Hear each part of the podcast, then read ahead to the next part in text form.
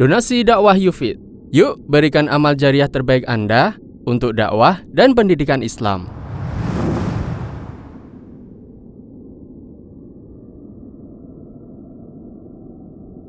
Bismillahirrahmanirrahim. Assalamualaikum warahmatullahi wabarakatuh.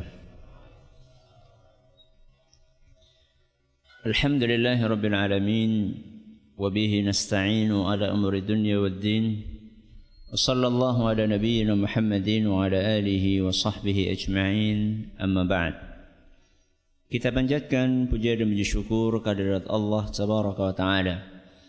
Pada kesempatan malam yang berbahagia kali ini pada hari Jumat tanggal 14 Safar 1439 Hijriah yang bertepatan dengan tanggal 3 November 2017 kita masih diberi kekuatan, kesehatan, hidayah serta taufik dari Allah Jalla wa ala sehingga kita bisa menghadiri pengajian rutin adab dan akhlak di dalam Islam di Masjid Jenderal Sudirman Purwokerto ini.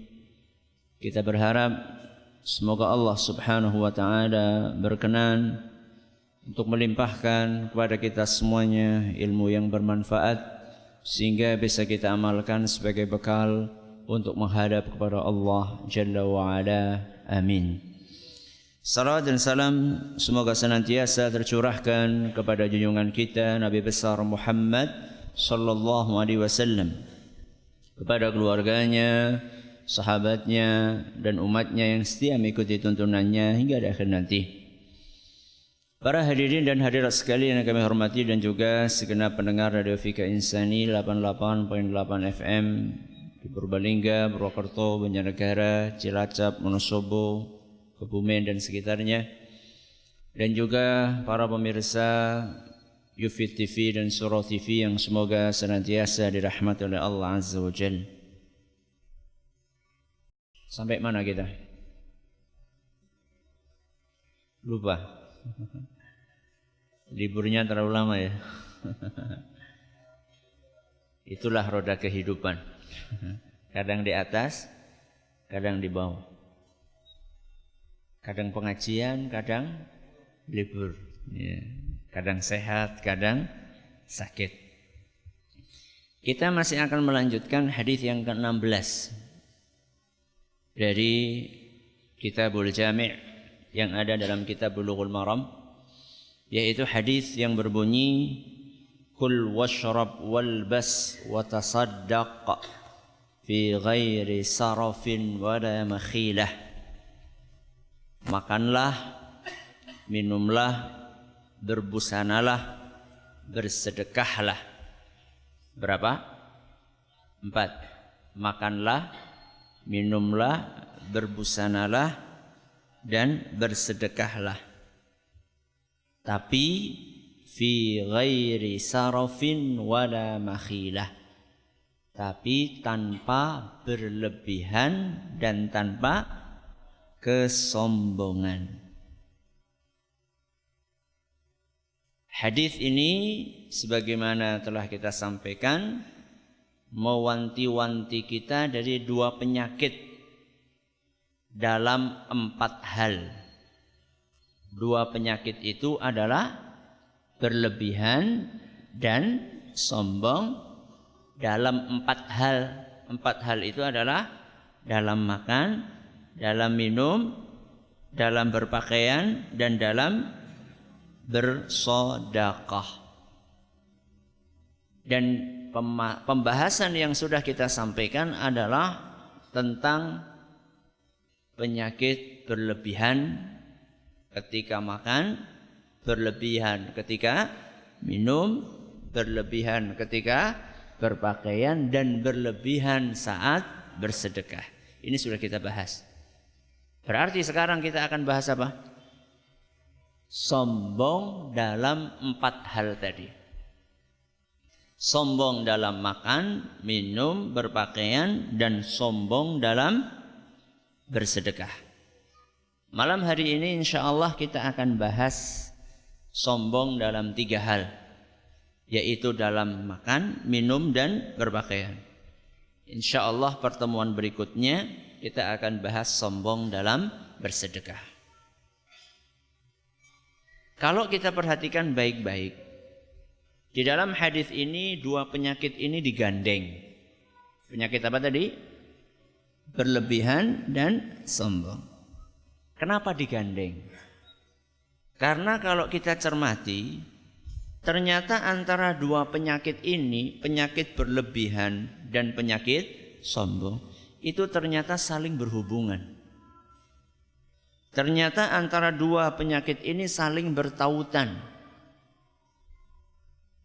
Seringkali orang sombong pemicunya adalah karena berlebihan. Seringkali orang sombong dalam makan, dalam minum, dalam berpakaian. Pemicunya karena dia berlebihan dalam makan, minum, dan berpakaian.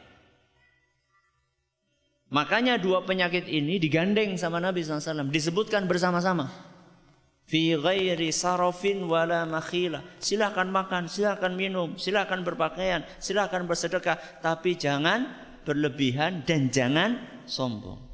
Dua penyakit ini digabungkan oleh Nabi SAW dalam satu redaksi karena saling berhubungan. Contoh misalnya, makan, minum, berpakaian. Apa yang biasanya memicu seseorang sombong dalam makanannya, dalam minumannya, dalam berpakaiannya? Biasanya ketika dia berlebihan dalam makan. Berlebihan dalam minum, berlebihan dalam berpakaian. Maka sering kita temukan orang-orang yang posting aktivitas makannya atau aktivitas minumannya atau aktivitas dia berpakaian. Dia posting di media sosial kapan? Habis makan, wah. Ya. Habis minum, wah. Habis belanja baju, wah. Posting. Ya. Ah ternyata makanan anu yang katanya harganya mahal, ternyata cuma segitu-gitu aja rasanya. Ya. Oh ternyata begini tuh rasanya belanja di Singapura. Ya sambil difoto plastiknya yang isinya tok tok tok banyak. Seringnya orang itu sombong ketika berlebihan. Dan jarang. Jarang orang makan mendoan cepret foto. Jarang. Jarang. Bukan berarti enggak, enggak ada jarang. Ya. Atau pakai kaos oblong biasa gitu ya yang nun sewu uh, gambarnya angsa gitu. Jarang diposting, oh baru beli kaos oblong anu gitu. Jarang. Ya. Makanya kalau kita perhatikan orang itu bangga. Pamer ketika dia habis membeli makanan yang mahal atau minuman yang mahal. Tadi saya coba-coba browsing. Makanan yang paling mahal itu seperti apa toh? Minuman yang paling mahal seperti apa? Pakaian yang paling mahal seperti apa? Saya browsing, browsing, browsing ketemu dan ya cuma geleng-geleng kepala saja. Saya coba browsing makanan termahal apa? Ya. Cari ternyata ketemu makanan itu ternyata puding ya. puding puding ya puding coklat. Ya pencuci mulut. Pencuci mulut. Sepotong itu harganya berapa? Kira-kira berapa? 459 juta. Bukan ribu. 459 juta. Kira-kira ya seginilah pudingnya. Jangan pikir semesjid gowong telung atus buka bareng, bukan. Buat satu orang. Ini makanan dijual di salah satu hotel di Inggris. Apa sih Ustaz? Puding apa tuh? Saya bacakan ya spesifikasinya. Puding itu terbuat dari empat jenis coklat Belgia yang dicampur dengan buah peach, jeruk, dan whisky. Nah, genas. Dan di atas puding itu ada hiasan cantik dari daun emas. Jadi ada emasnya ya dan hiasan dari kaviar. Kaviar itu telur. Telur ikan mahal ya. Harganya 459 juta. Kira-kira kalau orang makan itu, kira-kira dia akan foto, kemudian dia pamerkan enggak? Ya salah satu tujuannya kan itu. Supaya orang-orang pada tahu. Makanan, minuman. Ya. Browsing lagi cari. Ya. Ternyata ada sebuah minuman air kemasan termahal harganya 711 juta. Minuman. Ya. Kenapa bisa semahal itu? Air mineral, air mineral. Kenapa bisa semahal itu? Karena wadahnya. Karena wadahnya. Wadahnya itu terbuat dari emas 24 karat yang bentuknya artistik terinspirasi dengan karya seorang seniman Itali disebutkan namanya di situ. Cuma karena apanya? Wadahnya. Jadi yang jangan pada baik kalau banyu bening Cuman beda apa? Wadah. Bukan air zam-zam, bukan. Ya. Air biasa, air mineral. Harganya 711 juta. Ya. Kalau seandainya itu habis minum kemudian dia pasang, dia posting. Kira-kira apa motivasinya?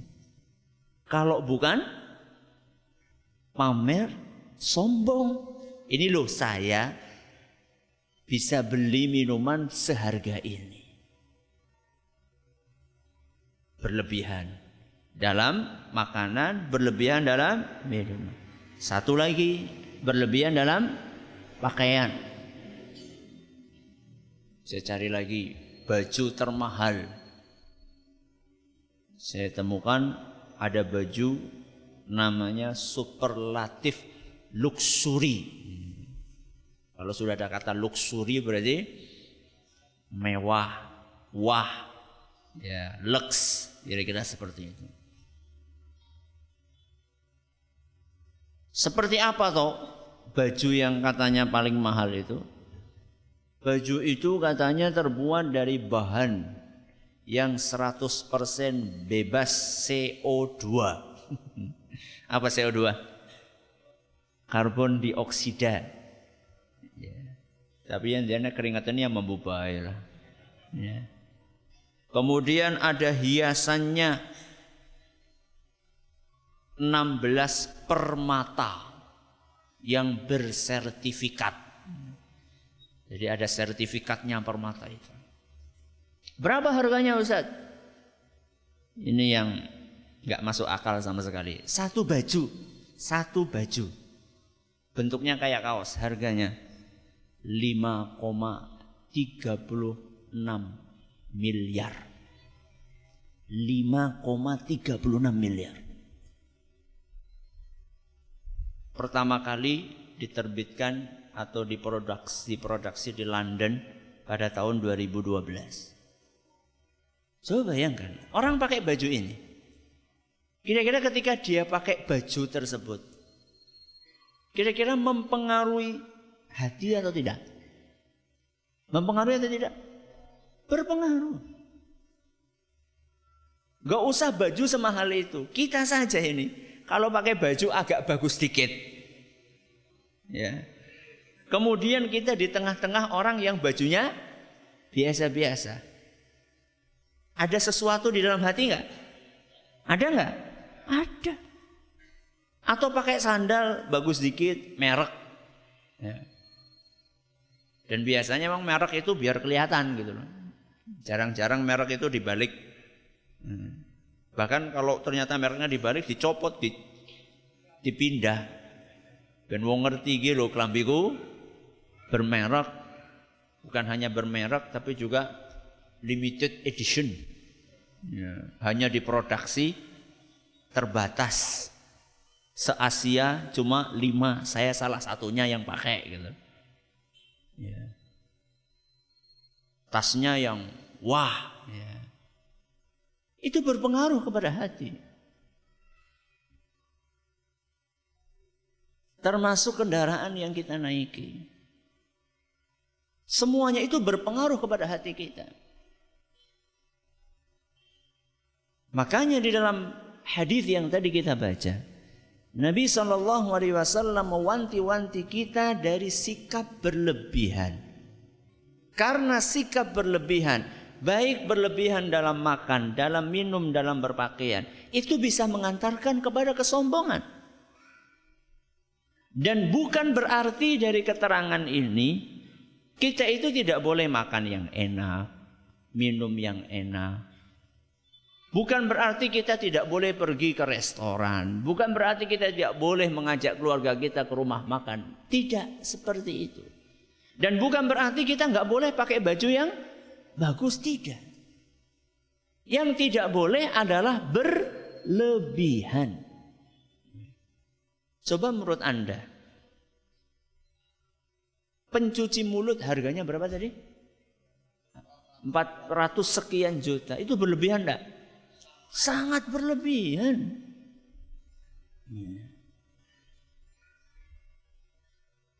Cuma minum air putih harganya sampai 700 juta. Pakai baju harganya sampai sekian M. Berlebihan. Walaupun mungkin menurut orang yang beli itu duitnya dibandingkan kekayaannya itu enggak enggak ada apa-apanya. Kita duit 400 juta itu ngumpulkan berapa tahun itu? Ya. Malah enggak terkumpul-kumpul. Ya. Yang misalnya nih gaji satu juta sebulan misalnya. Satu tahun berapa? 12 juta. Umurnya pirang tahun?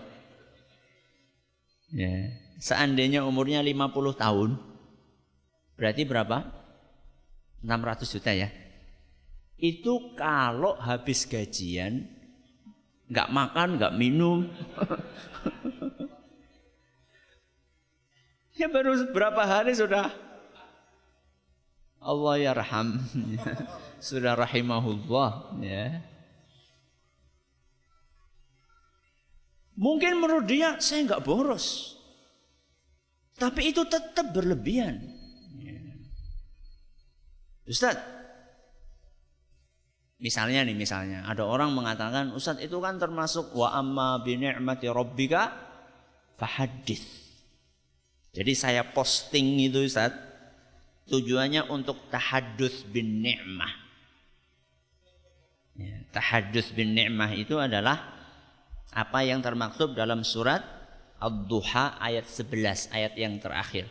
Wa amma bi ni'mati rabbika yang kira-kira terjemahannya adalah kalau dapat nikmat ceritakan. Kalau dapat nikmat ceritakan ini perintah dari Allah Subhanahu wa taala. Di dalam Al-Qur'an.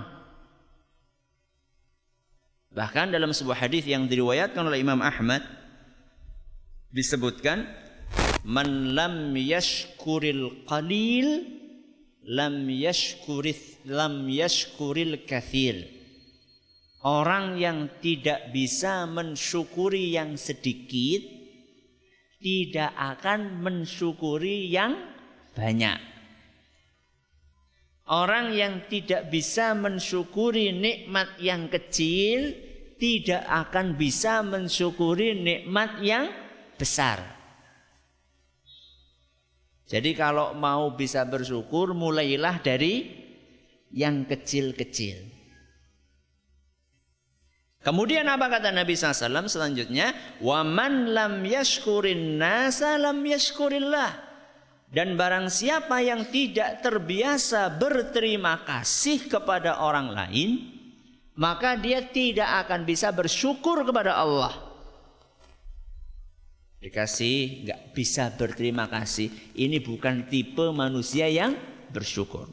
Kemudian apa kelanjutannya?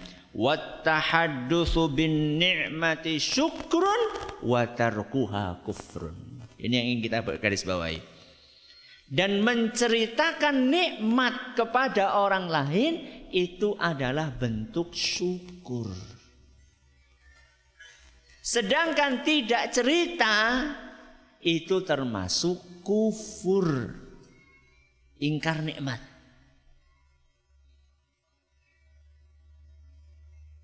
Kalau kita ceritanya kapan? Ketika dapat nikmat atau dapat musibah? Dengan kalau cerita-cerita pas lagi yang apa? Kecolongan apa oleh arisan? Hah? Kebanyakan dari kita kalau dapat musibah baru cerita. Tapi kalau dapat nikmat malah pesen aja cita-cita ya. Buk pada ngutang.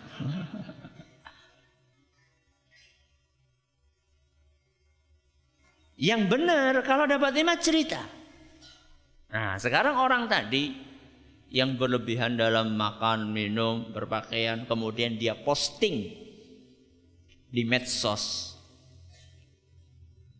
Dia mungkin mengatakan niatnya tahadus bin nikmah, mengamalkan surat apa tadi? Ad-Duha ayat 11. Piye jawabnya? Jawabannya tahadus bin ni'mah menceritakan nikmat kepada orang lain. Syaratnya satu. Motivasinya harus benar. Apa? Motivasinya harus benar. Yang kedua bukan kepada sembarang orang. Apa yang pertama? Motivasinya harus benar. Yang kedua, bukan kepada sembarang orang. Motivasi harus benar. Apa motivasi? Maksudnya apa? Anda bercerita tentang nikmat yang Anda dapatkan kepada orang lain, motivasinya apa? Kenapa Anda ceritakan? Kalau motivasinya adalah ingin berbagi kebahagiaan, it's okay. Enggak apa-apa. Ya, ben dulure melu seneng. Ya. Bahkan kalau tujuan kita eh siapa tahu saudara kita sedang butuh. Dia tahu kalau kita sedang ada rezeki. Ada nggak kira-kira orang seperti itu? Ada? Jarang. Ya mungkin satu dalam berapa? Seribu atau seratus? Ya. Mungkin satu dalam seribu. Ya, nembe oleh arisan, cerita-cerita alhamdulillah ki anyong nembe oleh arisan. Siapa sih ngarep pada ngutang? Jarang sekali. Motivasinya adalah membuat orang lain bahagia. Berarti kalau motivasinya salah, yaitu sombong, pamer, membanggakan diri, ini loh saya bisa melakukan apa yang tidak bisa Anda lakukan. Kalau itu motivasinya, maka berdosa. Dan tidak disukai sama Allah. Karena Allah Subhanahu wa taala berfirman dalam Al-Qur'an, "Wallahu la yuhibbu kulla mukhtalin fakhur." Dan Allah tidak suka kepada setiap orang yang sombong dan angkuh. Al-Quran surat Al-Hadid ayat 23. Maka Nabi SAW ketika menceritakan nikmat, beliau katakan, Ana sayyidu waladi adama wala fakhr. Aku ini kata Nabi SAW adalah pemimpin, pemuka seluruh keturunannya Adam wala fakhr. Aku sampaikan ini bukan dalam rangka menyombongkan diri. Nabi ingatkan kita, kalau mau cerita nikmat, itu jangan tujuannya adalah untuk menyombongkan diri. Ini motivasinya. Yang kedua apa tadi? Bukan kepada sembarang orang. Terus cerita kepada siapa Ustadz? Cerita kepada orang-orang yang kira-kira kita percaya. Dan orang ini insya Allah tidak akan iri dan dengki kepada kita. Berdasarkan lamanya kita bergaul sama dia, kita tahu karakternya orang ini bukan tipe manusia yang gampang irian. Bukan tipe manusia yang gampang hasad, dengki. Bukan kepada sembarang orang. Makanya Nabi bapaknya Nabi Yusuf siapa? Bapaknya Nabi Yusuf siapa? Nabi Yakub. Apa pesannya ketika Nabi Yusuf menceritakan mimpi indahnya kepada sang ayah? Apa pesannya? Qala ya bunayya le la taqsus ru'yaka ala ikhwatika. Tidak usah cerita mimpi indah ini, mimpi baik ini kepada saudara-saudaramu. Kenapa? Fayakidu laka kaida. Khawatirnya nanti saudaramu ini iri terus berusaha untuk berbuat tipu daya kepadamu. Inna syaitana lil insani aduwwum mubin. Ingat setan itu musuhnya manusia. Ini pesannya Nabi Yakub kepada siapa? Kepada Nabi Yusuf. Dalam surat Yusuf ayat 5. Padahal siapa tadi? Saudara-saudaranya sendiri saudara kandung. Tapi Nabi Yakub tahu bahwa saudara-saudaranya Nabi Yusuf ini mereka punya sesuatu di dalam hati, ada penyakit hatinya, gampang irian. Dan itulah yang terjadi. Makanya kan kadang-kadang kita ini ketika membaca kisahnya Nabi Yusuf kayak kok bisa-bisa nih kok tega-tega ini adine dewek dicemplungakan sumur. Itulah iri. Dahsyatnya efek dari penyakit iri dengki. Jadi menceritakan nikmat itu bukan kepada sembarang orang. Pilih-pilih. Nah sekarang saya tanya. Ketika diposting di medsos. Bisa milih-milih? Namanya juga medsos. Media sosial. Semua orang bisa. Membacanya, melihatnya, bahkan semakin bangga ketika di di retweet, di like ya, oleh sekian banyak orang, sekian banyak pengikut, semakin bangga karena memang tujuannya adalah mengundang semakin banyak orang yang melihat. Berarti tahadus bin nikmahnya itu tidak pas. Belum lagi penyakit-penyakit yang lainnya, penyakit ain. Apa ain? Apa ain? Penyakit mata. Belekan berarti. penyakit yang ditimbulkan karena pandangan mata yang iri atau pandangan mata kekaguman yang tidak diiringi dengan zikir pujian kepada Allah. Maka sering kita terjadi ada orang ujuk-ujuk sakit. Padahal sebelumnya sehat.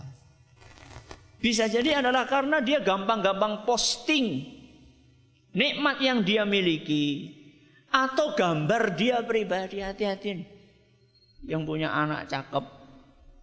Dikit-dikit apa?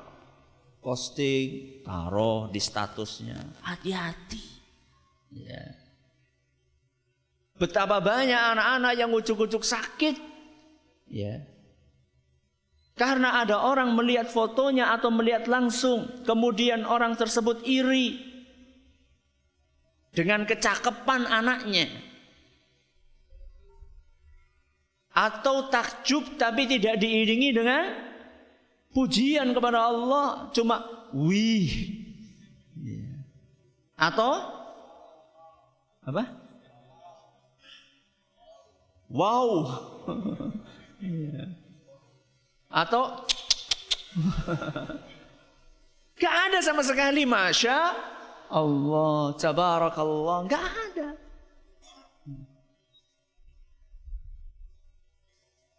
Akhirnya terjadilah apa yang terjadi. Termasuk barang-barang yang kita miliki. Ya. Baru beli HP langsung dibawa ke teman-temannya pamer Tahu-tahu baru dipakai sebentar mati. Barangnya rusak. Ada orang lihat iri, nggak memuji, takjub, nggak memuji Allah Subhanahu wa taala. Ya. Maka hati-hati. Ya. Jadi kembali kepada permasalahan sombong dalam berpakaian, sombong dalam makanan, sombong dalam minuman. Biasanya pemicunya adalah karena apa tadi? Berlebihan. Maka waspada. Makan, minum, berpakaian sewajarnya. Ya. Ustaz kalau misalnya kita bikin acara di hotel. Itu termasuk berlebihan atau tidak Ustaz? Ya tergantung. Motivasinya apa? Kebutuhannya apa? Kalau misalnya Anda membuat acara di hotel karena memang tamunya banyak. Rumahnya enggak cukup. Terus Anda pengen simple. Karena kalau bikin acara di rumah ribet, nyiapkan ini, nyiapkan ini, nyiapkan ini. Terus kita pakai IO. Event Organizer. Ya supaya dia ngurusi semuanya kita terima jadi. Kalau motivasinya itu dan tidak berlebihan no problem. Dan dia punya duit. Ya. dan duitnya halal. Bukan duit hasil korupsi. Ya. kalau seperti itu no problem. Tapi kalau misalnya tamunya cuma 5, 10 gawe ini nang hotel. Ya panganane macam-macam mubah. Ya. Itu tidak benar ya. Apalagi kalau sampai membuat sakit hati orang lain. Coba sekarang ketika dia posting makanan pencuci mulut harganya apa tadi? 400 sekian juta. Kalau yang baca itu orang miskin yang buat makan satu hari saja belum tentu cukup duitnya. Kira-kira hatinya gimana? Sakit. Ya. Sedangkan menyakiti hati sesama muslim dosa. Sudah berapa dosa coba? Sombongnya dosa. Berlebihannya dosa. Menyakiti hati muslim dosa. Numpuk-numpuk dosanya. Cuma gara-gara pencuci mulut Akhirnya terjerumus ketika ke, ke, ke dalam sekian banyak dosa yang berlapis-lapis. Maka waspadalah dengan penyakit sombong dalam makan, minum dan berpakaian. Sekali lagi apa yang saya sampaikan tadi tidak berarti kita ini nggak boleh makan yang enak, nggak boleh makan minum yang enak nggak boleh berpakaian yang bagus tidak sama sekali akan tetapi yang terlarang adalah satu berlebihan yang kedua sombong wallahu taala a'la wa alam Ada pertanyaan silakan. Monggo. Waalaikumsalam.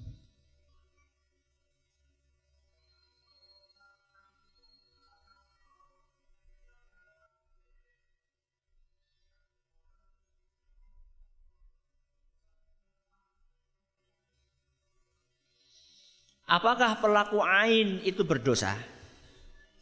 Apakah pelaku ain berdosa? Untuk menjawab pertanyaan ini, saya akan bawakan kisah yang terjadi di zaman Nabi SAW.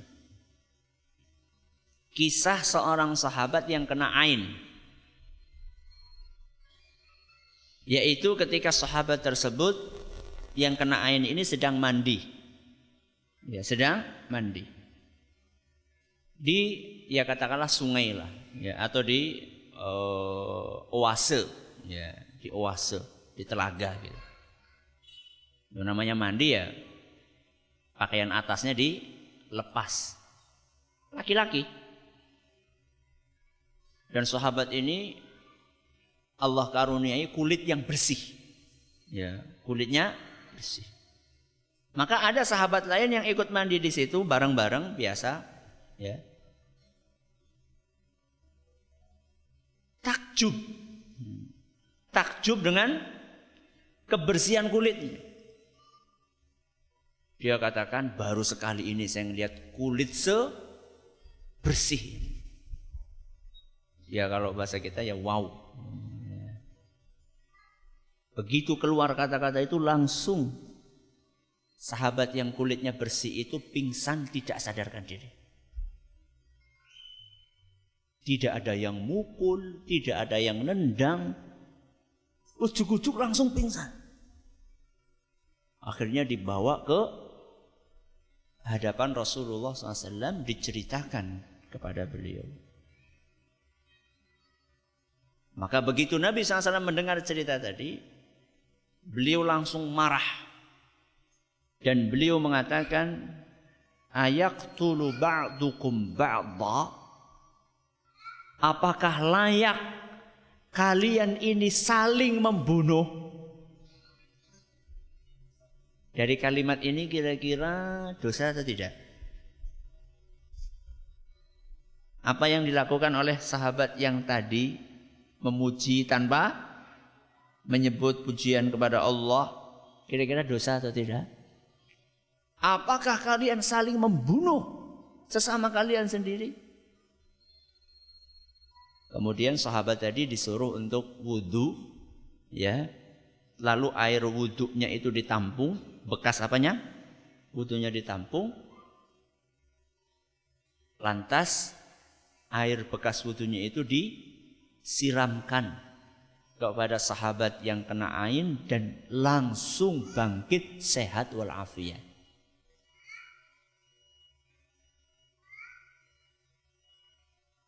Mana? Kita lanjutkan nanti habis adzan insyaallah. Alhamdulillah rabbil alamin wassalatu wassalamu ala nabiyyina Muhammadin wa ala alihi washabbihi ajmain wa ba'd. Kita lanjutkan pembahasan tentang masalah ain tadi. Dia berdosa kalau seandainya dia sengaja. Dia sengaja. Dia sudah tahu bahwa pandangannya ini tajam, bisa membuat orang terkena ain dan dia sengaja melakukan itu. Dan memang ada sebagian manusia itu punya spesialisasi ain. Yeah. Dia dikenal tajam pandangannya. Tajam pandangannya di sini adalah gampang menimpakan ain kepada orang lain. Itu maksudnya. Dia tahu itu, Kemudian dia dimanfaatkan oleh orang lain. Dibayar gampangannya. Tolong, saya nggak suka sama si A. Tolong kamu ain dia. Kamu saya bayar sekian. Dan itu ada. Ada orang nggak suka dengan saingan bisnisnya, Cuman kalau dia rusak tokonya kan bisa bermasalah nanti bisa masuk penjara apa. Dia sewa orang. Tutokannya tolong diaini. Begitu diaini langsung kacanya itu biar pecah. Cuma dengan apa? Dilihat. Bukan keluar apinya gitu bukan. Bukan Superman. Kalau sengaja dosa jelas. Atau dia tahu bahwa ainnya ini, mata dia itu bisa melontarkan ain. Lalu dia ini tidak memuji Allah. Ya. Dia sudah tahu bahwa dia ini berpotensi besar untuk mengenai orang lain, tapi dia tidak memuji Allah ketika melihat sesuatu yang menakjubkan. Maka ini juga bisa berdosa. Kecuali kalau dia tidak tahu, tidak sengaja, ya, maka orang-orang yang seperti ini insya Allah tidak ber, berdosa. Maka untuk menghindari itu semua, biasakan. Biasakan ketika melihat sesuatu yang menakjubkan. Melihat sesuatu yang mengagumkan. Sekalipun itu orang terdekat kita. Anak kita sendiri. Biasakan untuk menyebutkan pujian kepada Allah. Masya Allah. La haula wa la quwata illa billah. Tabarakallah. Barakallahu fiik. Ya. Ini dibiasakan muncul di mana? Di lisan. Dan kalau tidak dibiasakan nanti sulit. Ya. Alhamdulillah, masya Allah. Ya, ketika kita biasakan diri kita dan anak-anak kita, mereka akan terbiasa. Dikit-dikit melihat sesuatu yang indah, masya Allah. Ya. Sampai kadang-kadang kita ini uh, seneng gitu dan kaget lihat anak kita tahu-tahu, masya Allah, bagus banget pemandangannya. Padahal kita juga kaget gitu loh, kita kaget kok, loh ternyata anak kita ini karena dibiasakan akhirnya terbiasa. Maka mulailah dari diri kita kemudian dari anak-anak kita. Ada yang lain monggo? Cukup? Wallahu taala ala wa alam. Terima kasih atas perhatiannya. Menurut atas segala kurangnya kita tutup dengan membaca Subhanakallahumma bihamdika asyhadu an la ilaha illa anta astaghfiruka wa atubu. Assalamualaikum warahmatullahi wabarakatuh. Donasi dakwah Yufid. Yuk berikan amal jariah terbaik Anda untuk dakwah dan pendidikan Islam.